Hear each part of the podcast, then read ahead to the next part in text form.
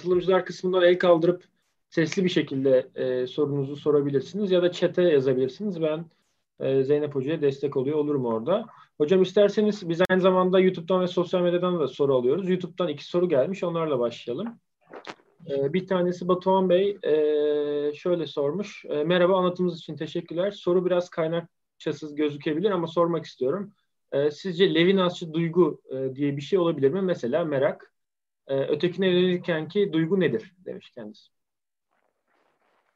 Evet. E, şimdi tabii merak keş, keşfetmek için e, hani hissedilen bir duygu. Keşfetme yönelimiyle ötekine e, yöneliyor oluyorum. E, burada e, sanırım bir keşif nesnesi de olmadığını söylememiz gerekiyor başkasının. Çünkü keş, keşfetmek e, e, açığa çıkarmak veya gizli, saklı karanlıkta kalanı e, ortaya çıkarmak manasında. E, bu daha çok hakikati düşündüren bir şey. E, yani e, açığa çıkarmak bazen bir şiddet olabilir. Levinas'a göre. Yani ışığın altına getirmek, e, bir, bir bilginin nesnesi olarak ele almak. Ki, ki merak da bilmek ister, ister istemez, e, bir şiddet uygulamak olabilir. E, nihayetinde şöyle diyeyim, burada ifşa edilen birisi değil başkası. Yani yüz kendisini gö- göstermeden gösterir veya tam da işte yakalanamazlık, açığa çıkarılamazlık, ışık altına getirilemezlik. Çünkü ışık altına getirmek veya bir ufka yerleştirmek, yani aynı şeyin ufkuna yerleştirmek, aynı aydınlığın altında toplamak var olanları ee, da bir tür aynılaştırma oluyor. Yani bilgi nesnesi olarak davranmamak aslında burada e, sorun. E, bilgi nesnesi olarak görmek yerine öğrendiğim e, bir başkası olarak ilişki kurmak belki daha iyi. E, yani e, tabii bize öğreten kişiyi de merak ederiz. Belki burada böyle ilerlemek lazım. Ama e, ondan öğrendiklerimizle e, onun kim olduğuna dair merakımız aslında e, aynı değildir. Yani bazen öğrenciler sorarlar. Yani hocam işte o kadar açık uçlu bir şekilde konuşuyorsunuz ki hani bütün görüşleri anlatıyorsunuz, birbiriyle karşılaştırıyorsunuz, biri diğerini eleştiriyor falan. Ya gerçekten siz ne düşünüyorsunuz? Hani benim ne düşündüğümü merak e, ediyor öğrenci. Ama şu, aslında benim ne düşündüğüm değil burada önemli olan. Yani bütün bu konuşma içerisinde, bu ilişki içerisinde birlikte öğrendiğimiz şeyler. Yani e, hani bilgi nesnesi olan aslında bizim konuşmamız içinde ortaya çıkıyor. E, senin benim ne düşündüğüme dair bilgin değil aslında burada. E, hani etik ilişkide kastedilen şey. Çok teşekkürler hocam. Ee, ikinci soru e, Nilgün Hanım'dan gelmiş. E, şöyle sormuş. Öteki çalışmalarından köken alan e, insanın kendine yabancılaşma durumlarının fenomenoloji, fenomenoloji e, çalışmalarına sebep olmasının olasılık yüzdesi nedir? Kendine yabancı insan yaratmak isteyen bir şiddet uygular e, diye sormuş. Yani e, yabancılaşma kavramıyla e, bu etik e, ilişki fenomenolojisi arasında nasıl bir ilişki var gibi anladım soruyu evet, ama doğrudur hocam. belki evet. Ee, şöyle diyeyim e, bu hani siz de dediniz ki e, biz başkasıyla ilişki, ötekiyle ilişki içerisinde aslında kendimiz oluyoruz. Şimdi burada enteresan bir şey var. E, Levinas'ta iki tane kendilik kavramı var. Bir tanesi e, özdeşlik anlamında, e, yani kimlik anlamında, diğeri de kendilik anlamında. Yani aslında bu ikilik enteresan bir ikilik. Özdeşleşmek demek, e, özdeşleşmek hep aslında bir kendine geri dönme hareketi içerisinde e, olur. Yani biz e, mesela birini rol model olarak alırız, ona gideriz, kendimize geri döneriz. Hep aslında bir şeyleri benimseyerek veya kendimizden dışlayarak kendi kendimizi inşa ederiz, kurarız. Özdeşleşmek, kimliklenmek biraz böyle bir şey. Veya kimliklendiriliriz, toplumsal cinsiyetlendiriliriz. Bu sefer bize bir takım şeyler empoze edilir. Onlardan itibaren kendimize gidip geri dönmemiz beklenir vesaire. Ama kendi bu değil. Kendi kimlik değil. Kendi ile kimlik arasında bir fark var. Ee, kendi tam da sizin dediğiniz gibi e, bu aşkınlıkta işte. E, yani kendini kaybetmeden başkaya gitme meselesinde ortaya çıkıyor. Yani etik öznellik aslında bize bir kendi modeli veriyor. Burada ben ile kendi çakışmıyor tabii. Yani hani kimlik ile kendiliği çakıştırmamayı öğrenmemiz gerekiyor. Yani kimliklerimiz parçalı olabilir, değişebilir kimliğimizin bir boyutunu hayatımızın bir döneminde daha az üstleniyor olabiliriz veya bir boyutuna yabancılaşıyor olabiliriz. Bunu kendilikle karıştırmamamız lazım. Yani çünkü kimlik özdeşleşme bir grup aidiyetiyle de ilgili olabilir. Yani işte kimlerdensin, hangi nasıl hangi ekonomik ve sosyal sınıftansın, gittiğin okullar, arkadaş çevren, ailen, aidiyetler, mensubiyetler, öz, özdeşlik içerisinde bunlar da var. Kendi bu değil.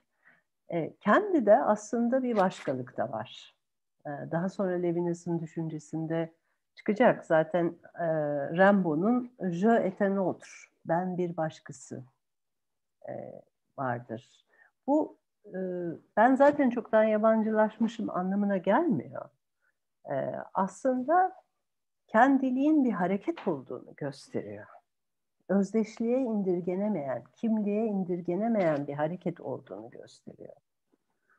Ee, bu harekette en e, radikal, en yoğun biçimiyle belki işte e, etik ilişki de var. Veya Derrida gelebilir aklımıza. Tekillikle ilişki diyor Derrida da buna. Çünkü Levinas'ta bir öteki insan hümanizması olsa da bir insancılık vardır.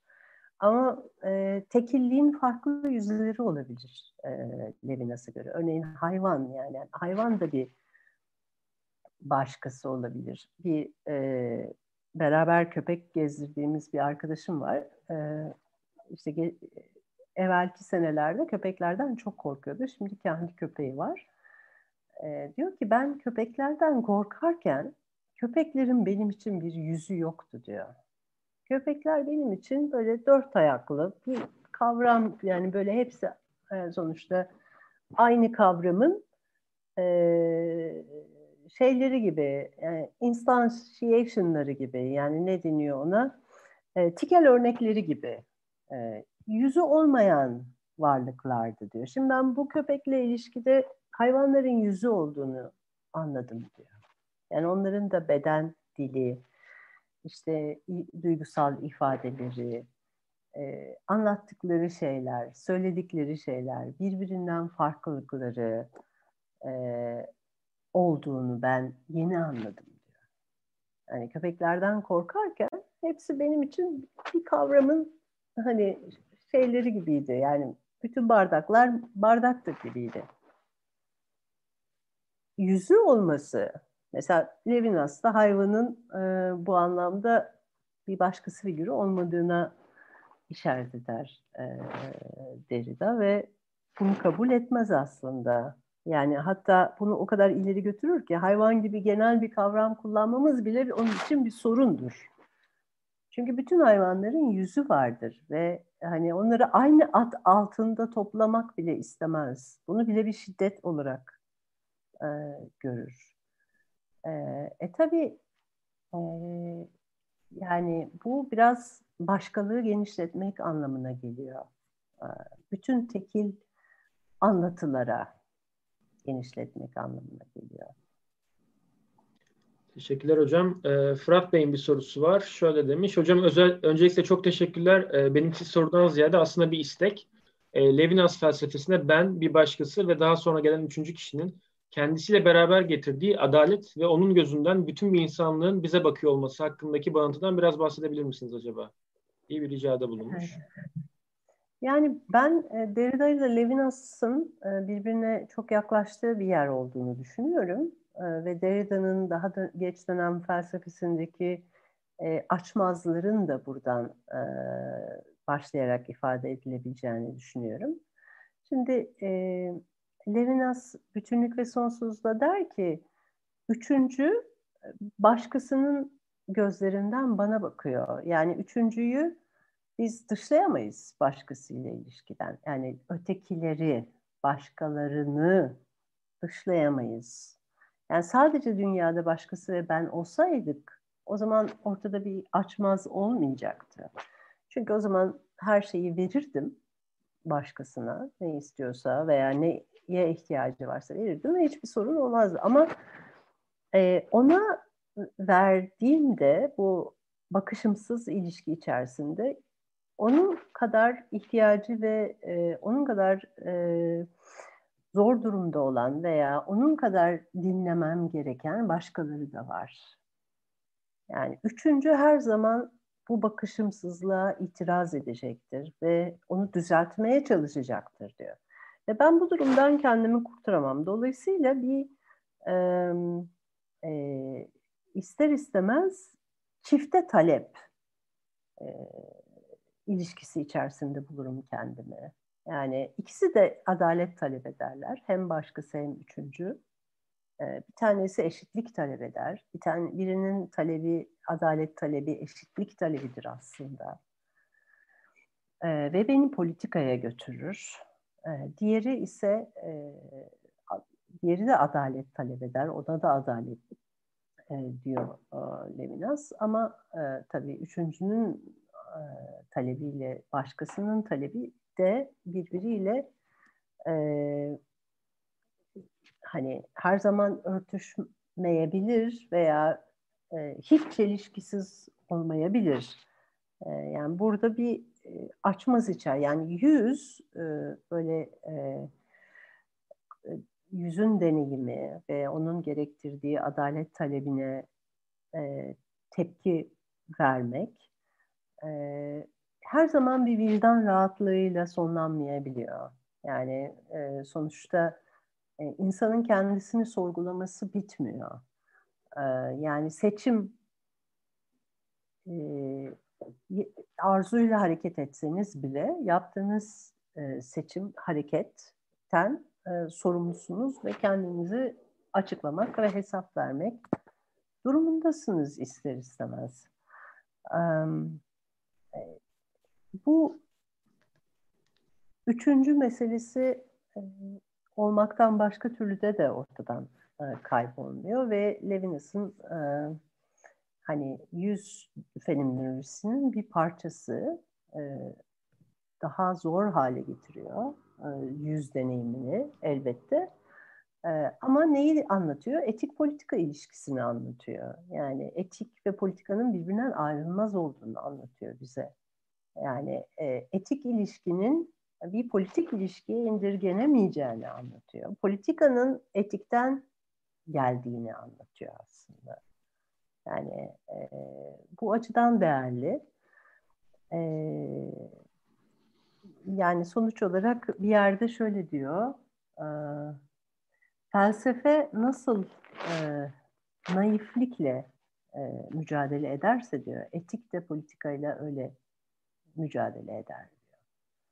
Yani felsefenin e, naiflikle mücadele etmesini ben hani Husserl'in e, naif tavrın aşılması ve felsefi redüksiyon tartışmasıyla bağlı olabileceğini düşünüyorum.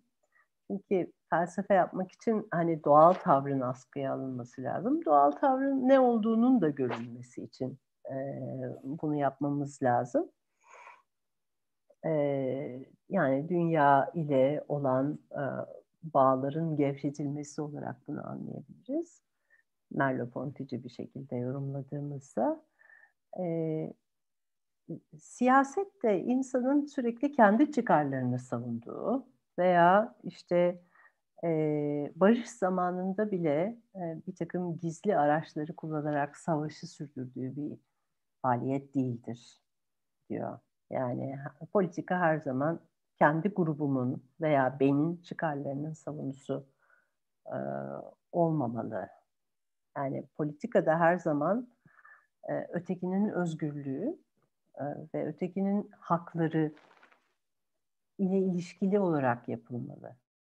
Yoksa e, bir savaş politikasına döner politika. Her zaman işte ben, benim milletim, benim ırkım, benim, bana ait olan, benim grubum, onun hakları, ötekilere ne olursa olsun anlamında bir politika.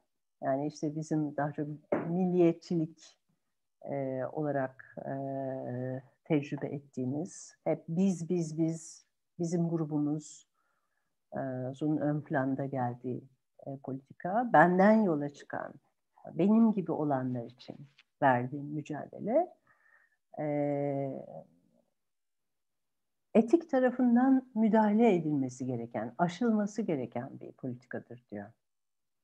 Yani nasıl felsefe doğal tavrın aşılmasını temsil ediyorsa e, etik de e, sadece benim veya bizim haklarının savunulduğu ve bunun için savaşıldığı bir politikaya e, müdahale etmek zorundadır, etmelidir.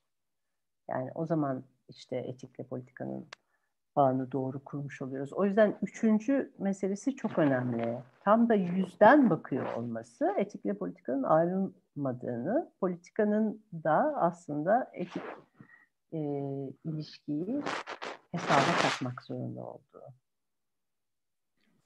Teşekkürler hocam. Can Bey'in e, bir sorusu var. E, başkasıyla karşılaşmanın beni dönüştürücü etkisi olduğundan söz etmiştiniz. Bu bana Jung'un persona ve e, kendilik kavramlarını hatırlatıyor. Levinas'ın başkasına yaklaşımı ile Jung ya da Freud arasında bir paralellik nasıl kurulabilir acaba? Çok teşekkürler demiş. Evet, e, zor soru. E, yani e, şimdi Jung çok iyi bilmiyorum, okudum ama e, yanlış bir şey de söylemek istemem. E, yani e, Evet, persona bizim toplumsal, eğer doğru hatırlıyorsam, bizim toplumsal anlamda ki var olan imgemiz veya işte varlığımız, kişi aslında maske anlamına da geliyor. Toplumsal bir varlık persona. Bir de ne demiştik? Persona ve içim içimizdeki ruh anlamına gelen e, anima e, mıydı? Sor, sor, soruda olan. Ee, yok hocam. Persona ve kend, evet kendilik kavramlarını hatırlatıyor e, demiş. Direkt şey yapmamış, belirtmemiş. Evet, evet. Evet. Bey bu arada isterseniz e, söz alıp kendiniz de açıklayabilirsiniz her zaman. Evet, evet. Yani enteresan bağlantı. Ee, yani ben e, hani Jung'u çok iyi bilmediğim için sadece bir okurum yani amatör anlamda bir okur olduğum için e, tam nasıl cevap vereceğimi bilemedim bu soruya. Tamamdır. Can Bey tekrardan e, istiyorsanız mikrofon açabilirsiniz. Daha sonra da açabilirsiniz. E, mesaj da atabilirsiniz. Ben Beritan e, Bey'in sorusuna geçeyim. E, varoluş özden önce gelir. E, Sartre'ın bu düşüncesi e, Levinas'ın kendilik ayrımıyla karşılaştırılabilir mi diye sormuş. Evet, varoluş özden önce gelir. Yani şöyle düşünüyor e, Sartre biz bir özle doğmayız. Yani işte bu Tanrı'nın tayin ettiği bir fıtrat mesela var da bizim için. Bize doğar doğmaz onun bir örneği olmuyoruz. Biz kendi özümüzü kendi eylemlerimizle ve seçimlerimizle kuruyoruz. Ve yani bir bakıma ne isek özümüz yoktur demiyor. Yani özümüzü biz kendimiz kurarız. Burada tekil bir özden, varoluşa aslında gömülü, varoluştan ayrılmayan bir özden bahsediyoruz. Ve ille e, işte sizin özünüzle benimki aynı olacak diye bir şey yok. Yani ya da cinslere göre e, bir öz olacak diye bir şey yok. Koşullar vardır tabii. Yani sizin kendi özünüzü içerisinde inşa ettiğiniz koşullar ortak olabilir. Durumlar birbirine benzeyebilir. Yani hani benzerliği özsel anlamda bir benzerlik gösteriyorsak buna dayanarak anlatabiliriz ve öz tarihsel ve toplumsal bir kavram haline geliyor. Kurulan bir kavram haline geliyor yani. Şimdi Levinas'a döndüğümüzde varoluş kavramı çok enteresan. Çünkü Levinas'a göre var olansız bir varoluştan da söz edebiliyoruz. Var olansız bir varoluştan. Bu aslında Levinas'ın kamp deneyimiyle belki ilişkilendirilebilir. E, zaman zaman da fenomenolojide e, üstüne düşünülmemiş bilinç e, mefhumuyla da ilişkilendirilebilir. Yani zaman zaman öyle deneyimlerimiz var ki o deneyimlerimiz bir ben deneyimi değil, bir öznenin deneyimi değil. Yani böyle bir da, mesela dalgınlıklarımız olabilir. Kendimizi unuttuğumuz. Ee, yani da uykuya dalarken mesela veya uykusuz kaldığımız gecelerde yani böyle karanlığın içerisinde benin ortadan kaybolduğu. Kamp deneyiminde de aslında e, böyle bir varoluş söz konusu. Yani var olanın ortadan kalktığı bir var olansız varoluş. Aslında öznelliğin daha ortaya çıkmadığı e, ve ta, tam da buradan başlayarak Levinas öznenin e, doğuşunu hipostas kavramıyla anlatır. Birdenbire bir öznenin varoluşunu üstlenmesi halidir aslında hipostas.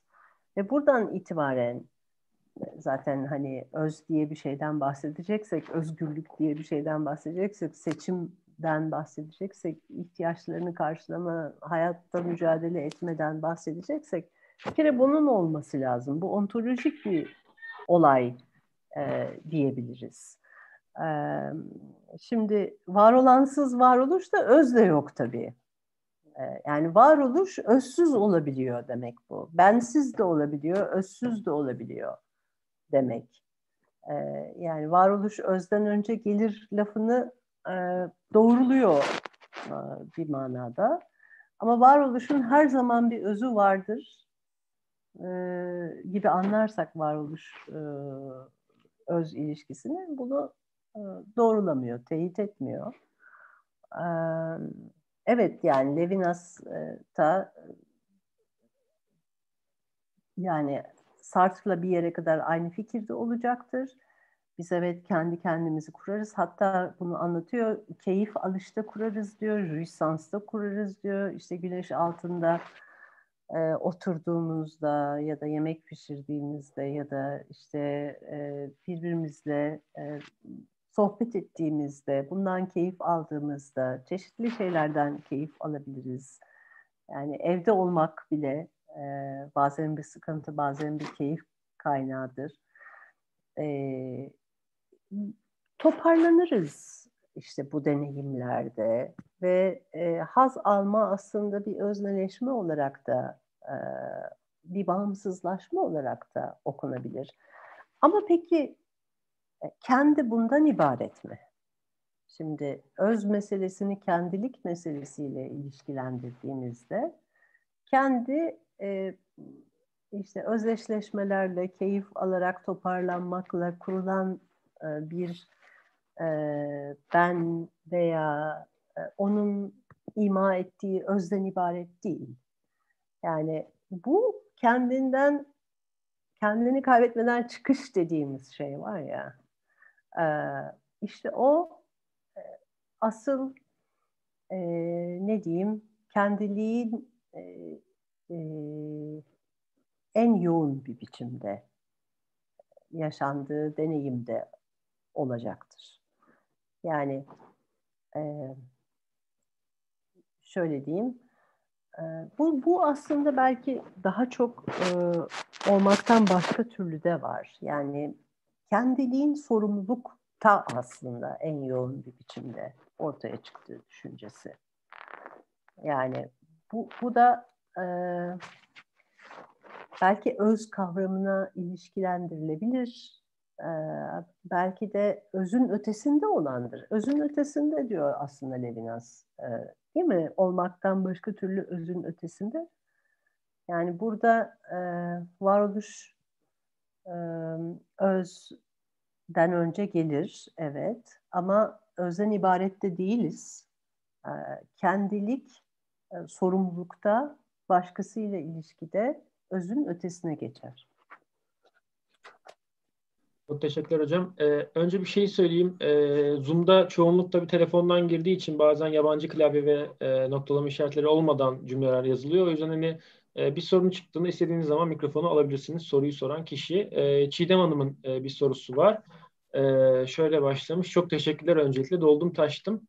Başka ile ötekinde erimeyen, e, kendine de saplanmayan bir ilişki fikri üzerine çok şey konuşmak isterim ama başka bir yöne döneyim. Doldurulmuş ve dondurulmuş evrensel kategorisinin totaliter olma riskine karşı başkanın test etme gücü etik politik olarak çok önemli gerçekten. Ama biz aynı indirgenmiş başka ile de bu tehditle karşı karşıyayız. Yani pozitif teoloji ile diyelim. Levinas bu konuda bir şey söylüyor mu? Çok sevgiler. Evet, aynı, aynıya indirgenmiş başka. Yani e, şöyle diyeyim, yani bugün aslında içinde bulunduğumuz durumla da e, bağlamak lazım. E, bir e, kendini kaybetme korkusu veya bir e, kendi kimliğine çakılma korkusu e, siyasi olarak da çok kullanışlı bir şey siyasi olarak da bizi tesis etmek için her zaman bu kendini kaybetme, kendini yabancılaşma e, korkusu e, gündeme getirilebilir. E, bu aslında e, ben içindeki başkayı da yok etmek için bir girişim. E, veya aynının şöyle diyeyim, aynının başkaya e, misafirperver olmadığı bir durumu e, gösteriyor aslında. Yani aynının başkaya misafir ol, perver olabilmesi için kendindeki başkalığa da e, yer açması önemli. E, ama bunun olmadığı yerde işte kutuplaşma ve başkanın bir tür öcüleştirilmesiyle karşı yok edilmesiyle aslında yok sayılmasıyla e, silinmesiyle görünmezleştirilmesiyle onunla şiddet ilişkisi kurulmasıyla e, karşı karşıya kalıyoruz.